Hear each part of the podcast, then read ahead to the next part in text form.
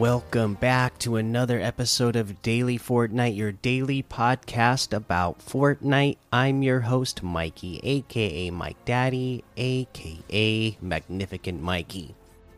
Now, there's not really any news to talk about today, uh, so let's just go ahead and uh, take a look at some LTMs that we can play in game right now. Uh, things like Kook, Skyfall Duo is reloaded. Pros Headshot, uh, Teddy, Minus Realistic, Tilted Zone Wars, Mythic Desert FFA, uh, Wolves versus Chickens, Desert FFA, No Explosives, FPS Window Wars Tycoon, World War, Operation Winterfest, Desert Zone Wars Floor is Lava 2.0. Uh, 250 level death run, realistic PvP, frontal crashes, figure eight jump race, speed fast, um, Paradise City, 1v1, Boogie Zombies, Nuketown Gun Game, Azzy's Gun Game, High Noon Gun Game, El Cartel Winter Gun Game. Uh, headshots only pump wars, edit pump wars, Edit Wars Defrost update, Headshot only box fight free for all, Portal Guns Pro FFA with builds, and a whole lot more to be discovered in the Discover tab. Uh, let's see here. Let's take a look at some challenges. Right. Uh, visit different named locations in a single match. Uh, to me, you know, a great way to get this one done is by first heading down to Chonker Speedway, get one of the fully fueled whiplashes with uh, the Chonker wheels already on them, and uh, you know that's one location down there, and then just drive uh, to a couple others. You know, Condo Canyon, the Joneses, Sanctuary, Rocky Reels. That's five locations that are all in that corner of the map that are easy, close to each other that you can get to really fast in one of those vehicles. Let's head on over to the item shop and see what we got in the item shop today. We got Green Goblin still here. The Mellow uh, verse, uh, Marshmallow stuff is still here. Uh, I finally remembered to pick up that Marshinobi outfit before logging off yesterday, so love that one. Uh, and then we have the Anthea outfit with the steel feather shield back bling for 1,500 the Desert Dominator outfit for 800, the old school emote for 500, the Sway emote for 500, Pump Up the Jam emote for 500. I gotta say, these emotes are even better uh, having the foundation, the rock version of the foundation, do these dances.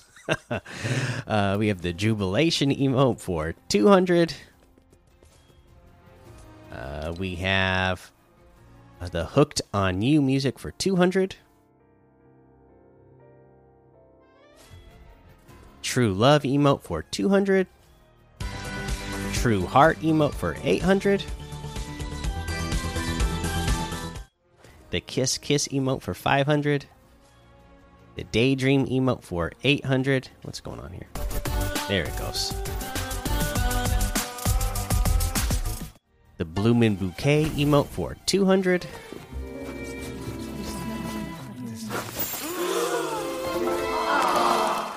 The Petunia Glider for 500. Roses are red wrap for 300. Uh, we have a new outfit, the lovely outfit. If they don't fall for you, give them a push. Part of the B mindset comes with the Heart Blast back bling, lub dub boom. This is actually a pretty cool looking outfit, right? Uh, black and red, this evil, mean looking heart. Uh, love the pink hair. I, I like the again the the back bling with the dynamite in its mouth and whatnot. Pretty cool. Uh, yeah, so cool outfit. This is 1,200. We have the Love Struck Striker Harvesting Tool, more than just a crush. 800. This is a pretty cool looking axe with the dynamite at the end and hearts. I gotta say this this set is a pretty cool set. We have the Candyman outfit today as well for 1,500. The Heart Beater harvesting tool for 800. Uh, we have uh, the Scully outfit with this Scully satchel backbling for 1,200. Uh, it does also have a uh, you know Valentine's Day themed uh, version that you can unlock as well with some of the quests that it comes with. I still really like this one to give out a shout out to Mudcats for giving this one to me years ago. Uh, 1,200. Uh, we have the Sweetie Skull Wrap for 300. That's another one I like that too. Uh, yeah, that looks like everything today. You can get any and all of these items using code Mikey M M M I K I E in the item shop, and some of the proceeds will go to help support the show. Now, uh, for our tip of the day, I saw this in the Discord, came from Dusky. Uh, said to go into Team Rumble, drop at Daily Bugle, and carry one weapon, and then your other four slots you're going to carry heals. While you're there, you're going to be opening up all the chests that you can. That's the reason why you're going to be carrying four slots of heals. That way, you know, if uh, Daily Bugle isn't in the circle, which with the way they, uh, you know, uh, that uh, Team Rumble works now, I doubt Daily Bugle ever ends up being in the circle.